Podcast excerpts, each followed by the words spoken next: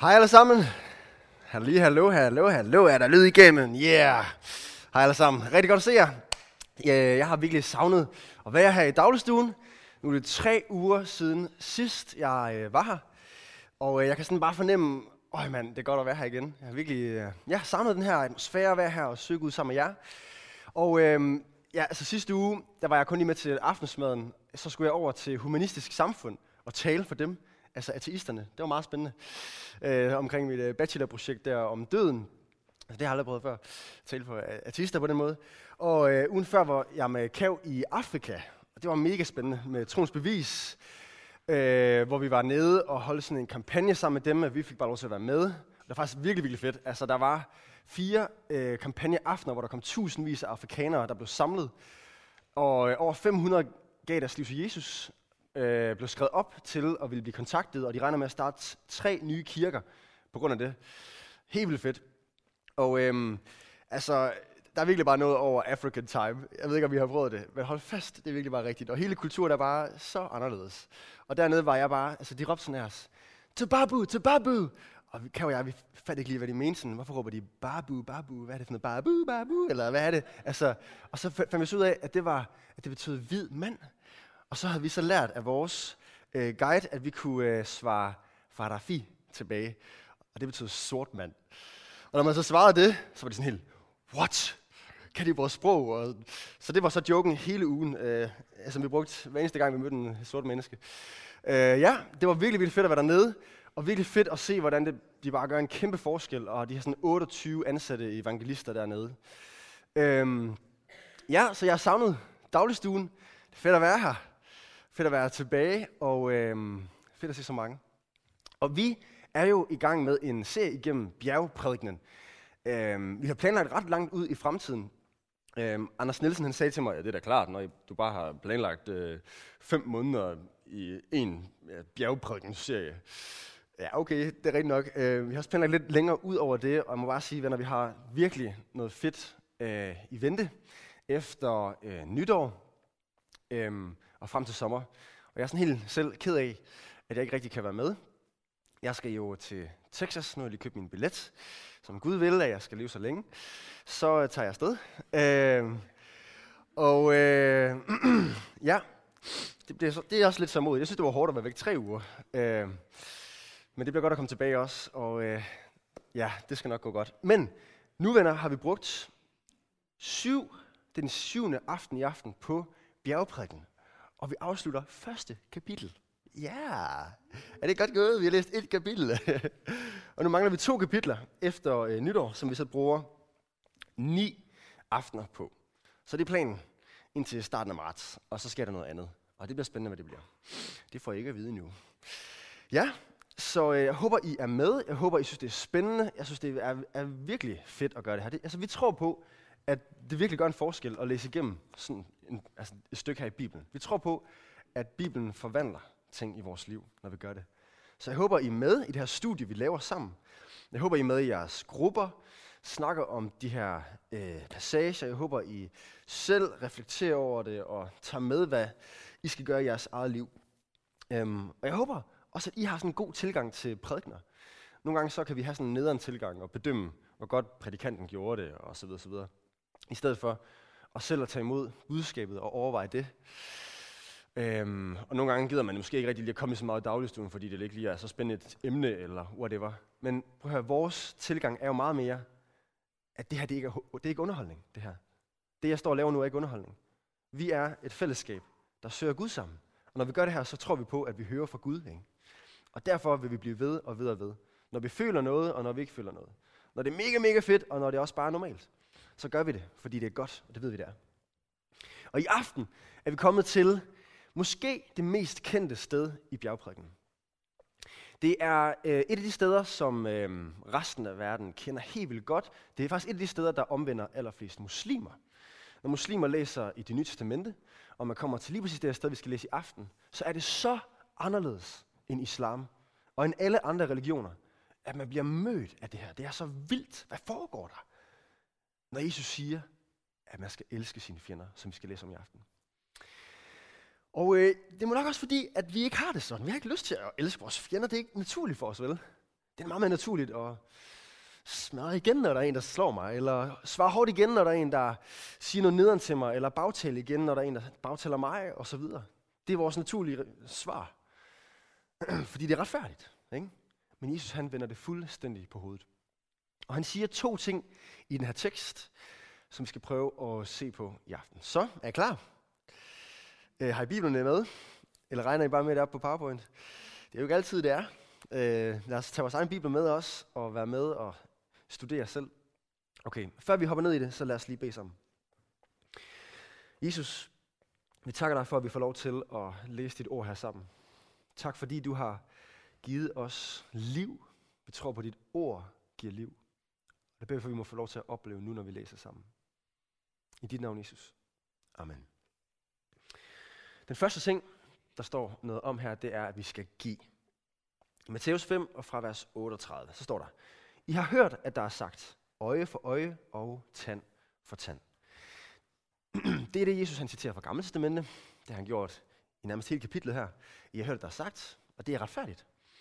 Hvis der er en, der tager en gaffel og nakker den ind i dit øje, så er det retfærdigt, at du selv tager en gaffel og nakker ham ind i øjet.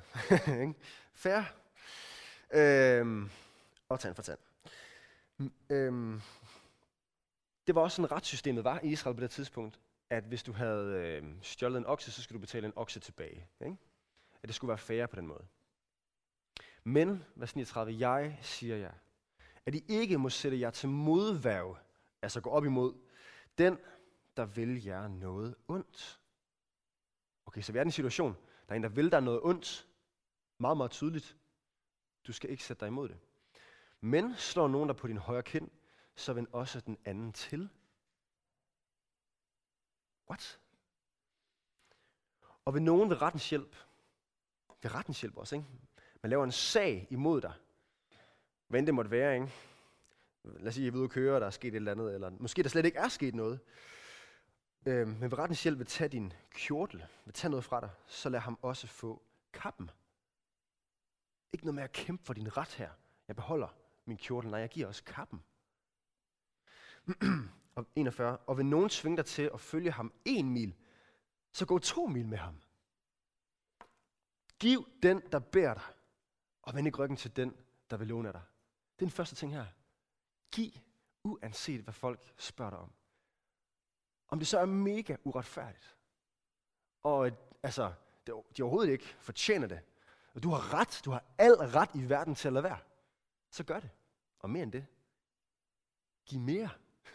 Gør endnu mere end det. Og det er fuldstændig mindblowing det her. Hvad har Jesus gang i? Og det er den ene ting, den første ting, Jesus siger, at vi skal give. Den anden er, at vi skal elske. Fra vers 43. I har hørt, at der er sagt, du skal elske din næste og hade din fjende. Det her det er ikke et citat fra det gamle testamente. Det her det er noget, man sagde på det tidspunkt. Og det giver egentlig også god nok mening. Øhm, man skal elske andre, ja ja, men din fjende må du gerne have. Ikke? Selvfølgelig. En, som er virkelig meget imod dig, ham skal du selvfølgelig ikke elske. Ham skal du hade. men, vers 44, jeg siger jer, han vender på hovedet her. Hvad siger han? Elsk jeres fjender, og bed for dem, der forfølger jer. Bed for, at de må have det godt. Han siger for, vers 45, at I må være jeres himmelske fars børn. Altså, I må ligne jeres far. Ikke? Hvis I er kristne, og I siger, at Gud er jeres far, så skal I ligne ham. Og hvad står der om ham? For han lader sin sol stå op over onde og gode. Han lader det regne over retfærdige og uretfærdige. Vi lever her i dag, alle sammen, kristne som ikke kristne. Tøj på kroppen, vi har mad at spise, vi har et sted at bo. Gud han giver os det her liv, som vi overhovedet ikke fortjener. Han gør det. Han er god mod alle. Og så siger han, hvis I kun elsker dem, der elsker jer, hvad løn kan I så vente? Det gør tollerne også. Og når Jesus snakker om løn, så mener han jo den løn, vi får til sidst, når vi står for en Gud. Og Gud vil belønne os, og han glæder sig over det, vi gør. Så det kan godt være, at det har en pris nu, men der er en fortjeneste til Jesus om. men hvis vi kun elsker dem, der elsker os, så er der ikke nogen løn. Han siger, det gør tollerne også. Og tollerne var sådan nogle, der var mega uretfærdige på det tidspunkt. Ikke? Skatteopkræverne. Så siger han, Og hvis I kun hilser på jeres brødre, hvad særligt gør I så? Altså brødre, det betyder også bare sådan noget buddies, ikke? Altså min bro, ikke? Øhm, det gør hedningerne også, dem der ikke engang er øh, jøder, dem der ikke er en del af Guds folk, eller dem der ikke er kristne, ikke? Det gør alle. Alle hilser på dem, man godt kan lide, selvfølgelig. Det giver det mening. Og så det sidste vers her. Så vær da fuldkommende, som jeres himmelske far er fuldkommen. Det er det, vi kalder til at ligne ham. Og jeg synes, de her vers er svære. Det synes jeg. De udfordrer mig mega meget. Og samtidig elsker jeg de her vers. Der er et eller andet ved dem, der er attraktivt. Og nu kommer der et spørgsmål, som I kan snakke med jeres sidemakker om. For det er jo sådan i dagligstuen, vi øh, tror på, det ikke bare er mig, der skal stå her og plapre, men at der er noget godt over, at man også lige får sådan vendt det her. Hvad betyder det egentlig for mig? Og, sådan. og I bestemmer selv, hvor meget I lige åbner op. Men spørgsmålet er altså det her. Hvad tænker du, når du hører den her tekst? Okay, så prøv lige at spørge din sidemakker om det.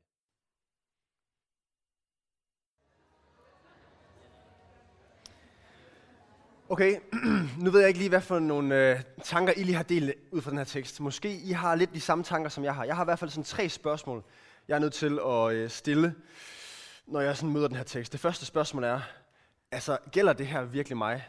Altså har jeg virkelig fjender? Gælder det også i dag her i Danmark? Øhm, og det andet spørgsmål er, er det ikke sådan lidt modsætningsfyldt på en eller anden måde det her?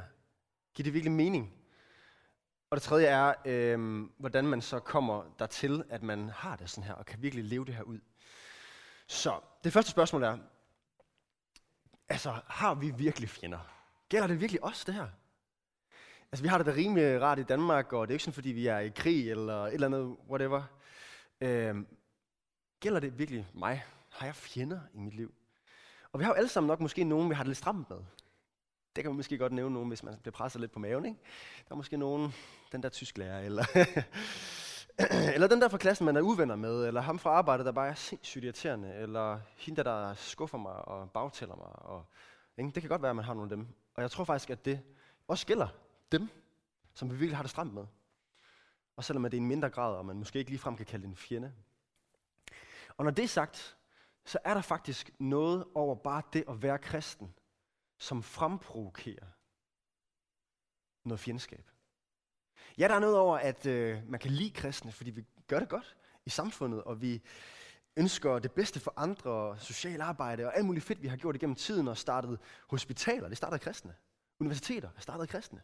Alle mulige virkelig fede ting i samfundet, selvfølgelig. Og man kan godt lide kristne for det. Men der er også altid i alle kulturer et eller andet ved kristendommen, som er provokerende, og som gør, at der er blevet sat fjendskaber imellem folk. Og øhm, altså, Jesus han siger, at en disciple står ikke over sin mester, og en tjener ikke over sin herre. Og det må være nok, hvis en disciple får det samme som sin øh, herre. Og øh, de har kaldt, øh, hvad hedder det, husbunden, altså herren for Satan. Beelzebul. Det gjorde de med Jesus. De kaldte, sagde, at han var dæmonbesat. Hvad vil de så ikke gøre med, med os, disciplene? Hvis de har gjort det med ham, vil de nok også rimelig meget gøre det med os, siger Jesus. Så hvis I vil følge mig, så skal I nok regne med at få nogle fjender. Er I med på den? Øh, I kan komme her og skrive under, hvis I vil. Øh, okay. Paulus siger, øh, for fuld bliver alle, som vil leve et gudfrygtigt liv i Kristus. For fuldt bliver alle? Jamen, også, også her i Danmark. Øhm, Jesus siger faktisk, ved jer, når alle taler godt om jer. Således behandlede deres fædre også de falske profeter. Hvis alle taler godt om dig, så er der faktisk måske noget, der er forkert. Ser det ud som, ud fra det her Jesus han siger. Så kan det være, hvis jeg må være lidt provokerende i aften, at dit øh, Guds liv måske i virkeligheden ikke er særlig tydeligt. Det kan være. Og man måske bare lige holder lidt for sig selv. Fordi hvis man gør det her, hvis man står op for det her, så vil man nok også få ballade nogle steder. I Danmark er det ofte øh, vores holdninger til moralske ting, og vi er mega kontroversielle på sådan nogle ting som køn og sex og alt sådan noget, ikke også? Og der kan vi godt få fjender, eller retten til liv med aborter og sådan ting. Eller whatever, jeg ved ikke, hvad det er, øh, du kunne opleve i dit liv hvad står op for. Men jeg tror, hvis vi står op for det, så vil vi opleve noget af det her. Når vi står op for sandheden, så vil vi helt naturligt opleve noget fjendskab. Okay. Udfordrende. Så gælder det for os som kristne i dag her i Danmark? Ja, mega meget. Hvis vi virkelig følger Jesus, så vil vi helt naturligt opleve, at der også bliver noget modstand.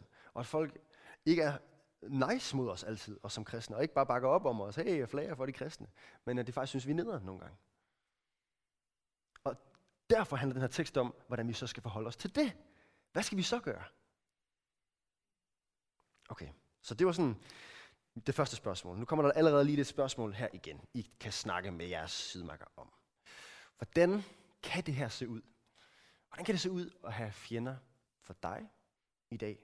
Og du kan selv bestemme, om du vil åbne op og fortælle om noget, du oplever. Det må du gerne. Øhm, du må også gerne lade være og bare snakke om det mere generelt. Men prøv at stille din sidemarker det her spørgsmål. Okay, så nu har vi snakket om det første spørgsmål. Øhm, gælder, det egentlig, gælder det egentlig os i dag her? Har vi egentlig fjender? Ja, når vi følger Jesus, så er der noget, der hører med. Der vil altid være spændinger mellem folk selvfølgelig, men der er også noget fjendskab i, i det her med at være kristen. Det andet spørgsmål er så, øh, okay, hvad, hvordan skal vi så forholde os til de her mennesker, når vi oplever det her fjendskab? Er det, det Jesus siger her, er det i virkeligheden ikke modsætningsfyldt? Og her vil jeg faktisk svare, jo, der er faktisk noget ved det, der er på en måde modsætningsfyldt. Vi snakker om de der to ting. Det ene var, at han skulle give, der er sådan to passager, vi læser i aften, hvor den ene passage siger, at man skal give, uanset hvad. Ikke?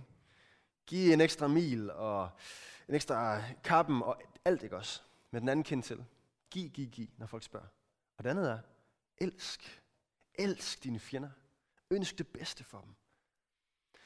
Er der en modsætning mellem de to ting? Ja, det er der faktisk. Der er faktisk en spænding her. Og lad mig prøve at forklare, hvad jeg mener med øhm, nogle eksempler. Hvis nu, at der er en, der ringer til dig og har selvmordstanker, der siger, jeg gør det altså nu. Det er interessant, hvordan folk midt i sådan selvmordstanker bare øhm, ofte rækker ud efter hjælp. øhm, lad os sige, at du kommer hjem til personen. Personen har øh, sine piller liggende, som han skal tage for at begå sit selvmord. Du tager pillerne, og personen bliver meget, meget vred og råber, giv mig mine piller og skrid ud af mit hjem. Hvad gør du? Han spørger dig. Skal du gøre det, som han siger? Ikke? Giv, giv ham pillerne. Nej. Du lader være med at give ham pillerne. Du beholder pillerne, og du lader være med at gå. Du bliver, fordi det er det mest kærlige at gøre. Ikke? Om man så begynder at kæmpe imod dig for at få de piller, så, så øhm, nej, det gør du ikke. Fordi det er det mest kærlige at gøre, fordi du elsker personen. Du vil det bedste for personen. Eller hvis at, øhm, at man nu har oplevet, at man har haft en babysitter. Lad os tage et frygteligt eksempel her med en, der har øhm, voldtaget børnene i familien, og som nu sidder for retten. Og øh, personen ringer til, øh, til dig som forælder og siger, jeg er virkelig, virkelig ked af, at jeg har gjort det her. Kan du tilgive mig? Hvad gør du så? Du tilgiver. Selvfølgelig.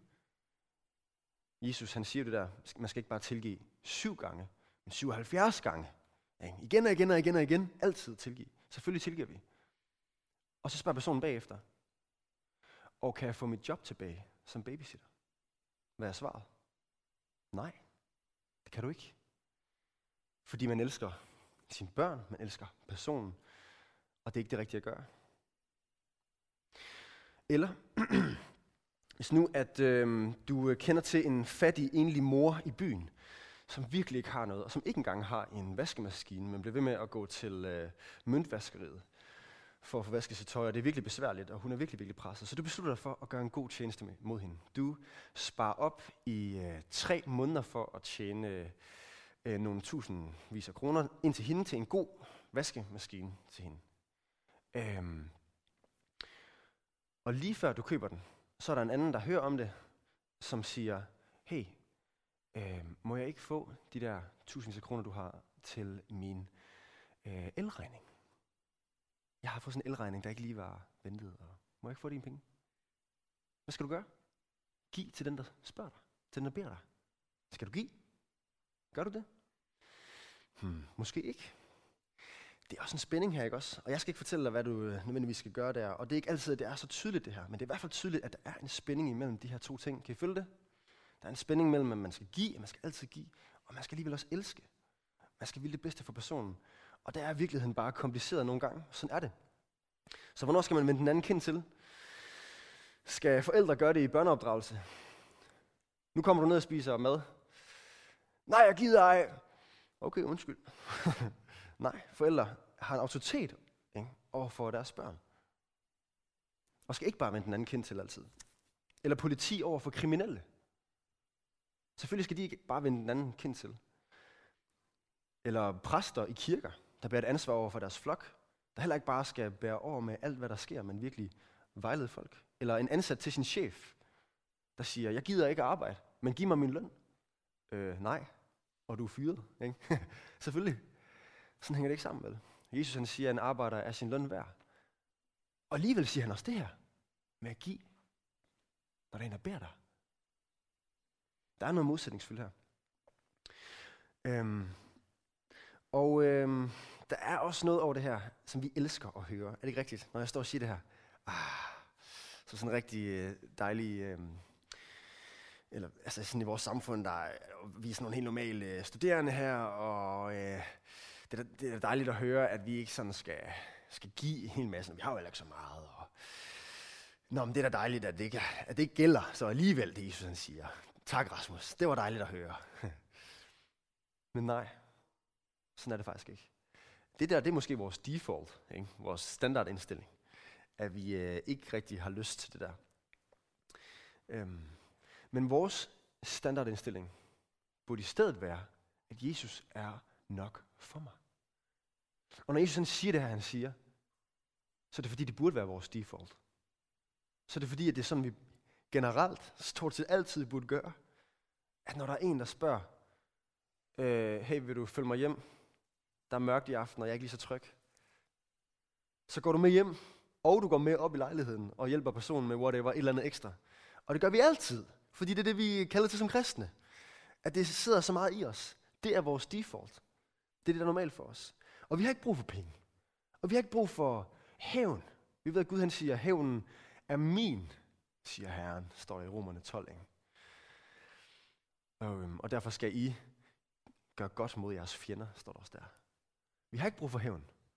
Vi har ikke brug for sikkerhed. Vi har Jesus. Og vi kan vise verden, at vi har ham, og han er nok for os. Ikke? Det burde være vores udgangspunkt. At det altid er sådan her, vi lever. At vi vil give, hjælpe, altid. Men nogle gange, så er det lidt mere kompliceret. Og vores kærlighed til mennesker gør det lidt mere komplekst. Så her er et spørgsmål mere. Det sidste spørgsmål. Hvorfor er det her komplekst? Ja, prøv at spørge din sidemarker.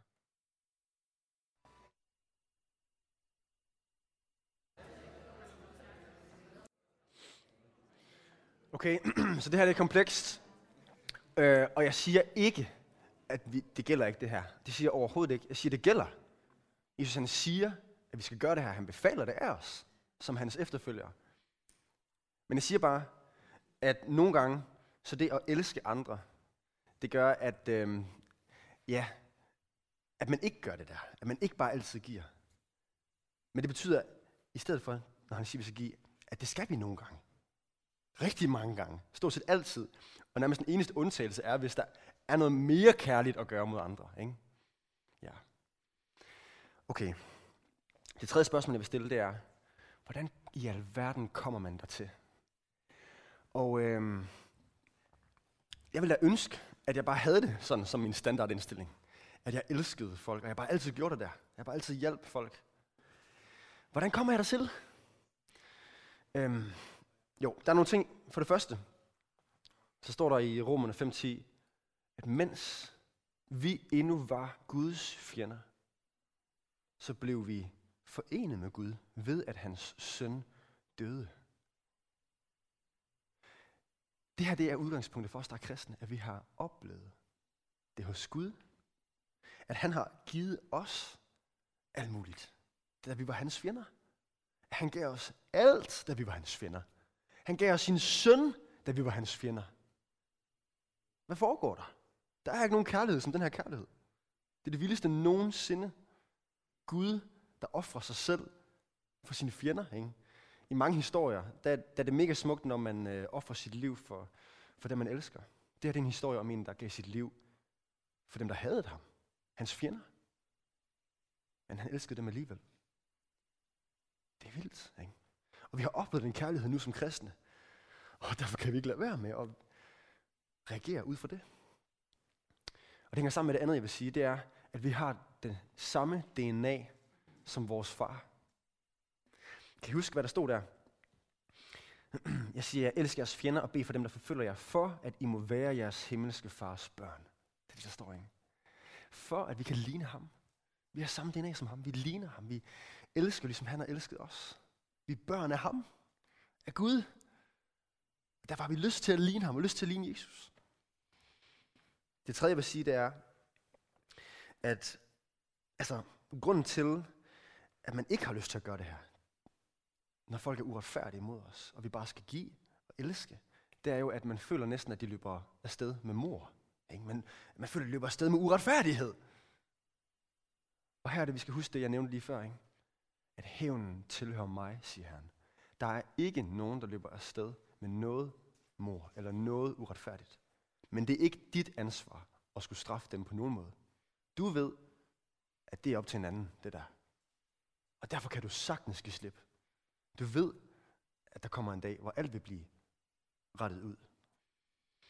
Og det fjerde, jeg vil sige er, kan I huske det, vi læste der for seks gange siden? Med salige er de, velsignet er de, lykkelige er de, som på grund af mig, øh, eller sælger I, når man på grund af mig håner jer og forfølger jer og lyver jer alt muligt ondt på. Fryd jer og glæd jer, for jeres løn er stor i himlene, siger Jesus.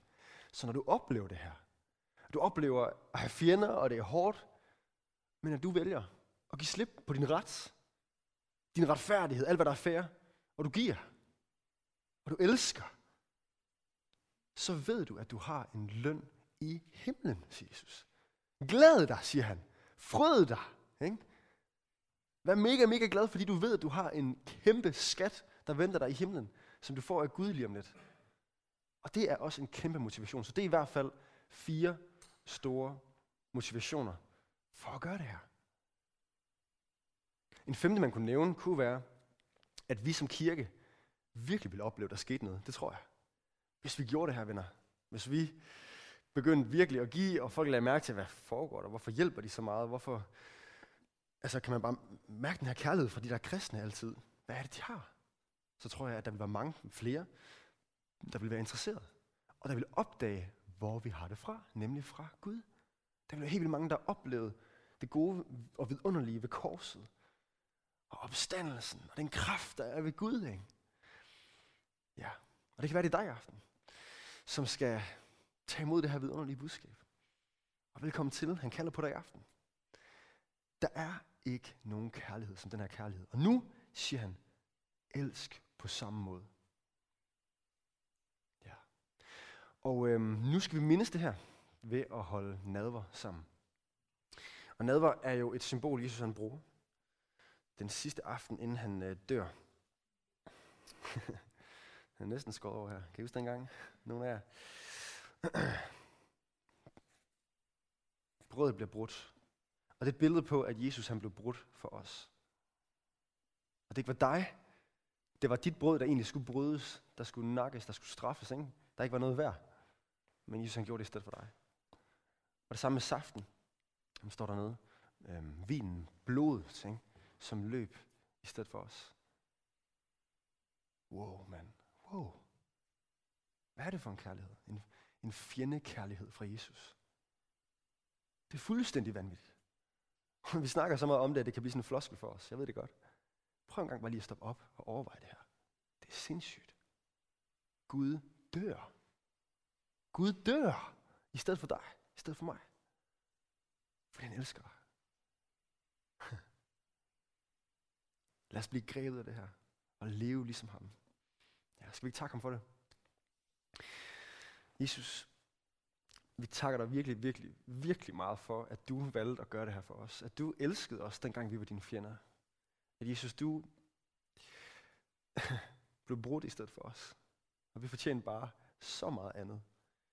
Vi fortjente, at det var øje for øje og tand for tand. Vi havde været frygtelige mod dig. Vi har gjort oprør mod dig, og derfor fortjente vi straf. Øje for øje. Men du valgte at gøre noget helt, helt andet. Du valgte at være nådig og give os det, vi ikke fortjener. Ja, det takker vi dig for. Og nu beder vi dig, Jesus, lad os leve ligesom dig.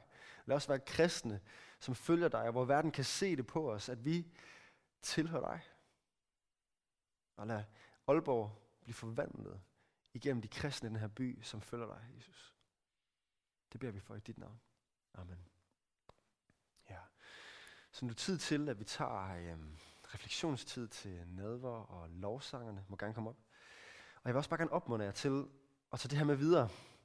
Nu øh, kom spørgsmålene ikke sådan helt ind i så meget af dit privatliv. Og det håber jeg bare, I har lyst til at dele i jeres cellegrupper. At I har lyst til at fortælle om, hvad I kan wrestle med, og hvordan I kan opleve mennesker, hvor det kan være stramt, og hvad betyder det her så for det? Ikke? Jeg håber, I tager de her snakker med videre. Måske også bare ind ved siden af. Nu tager vi i hvert fald en tid, hvor vi svarer Gud. Vi synger til ham, vi beder til ham i sang sammen. Ikke? Og, øhm, og allerførst, før vi kaster os over lovsangen, så øhm, værsgo at komme ned. Man brækker bare et stykke brød af og øh, drikker et lille glas med saft. Ja, og så synger vi sammen bagefter.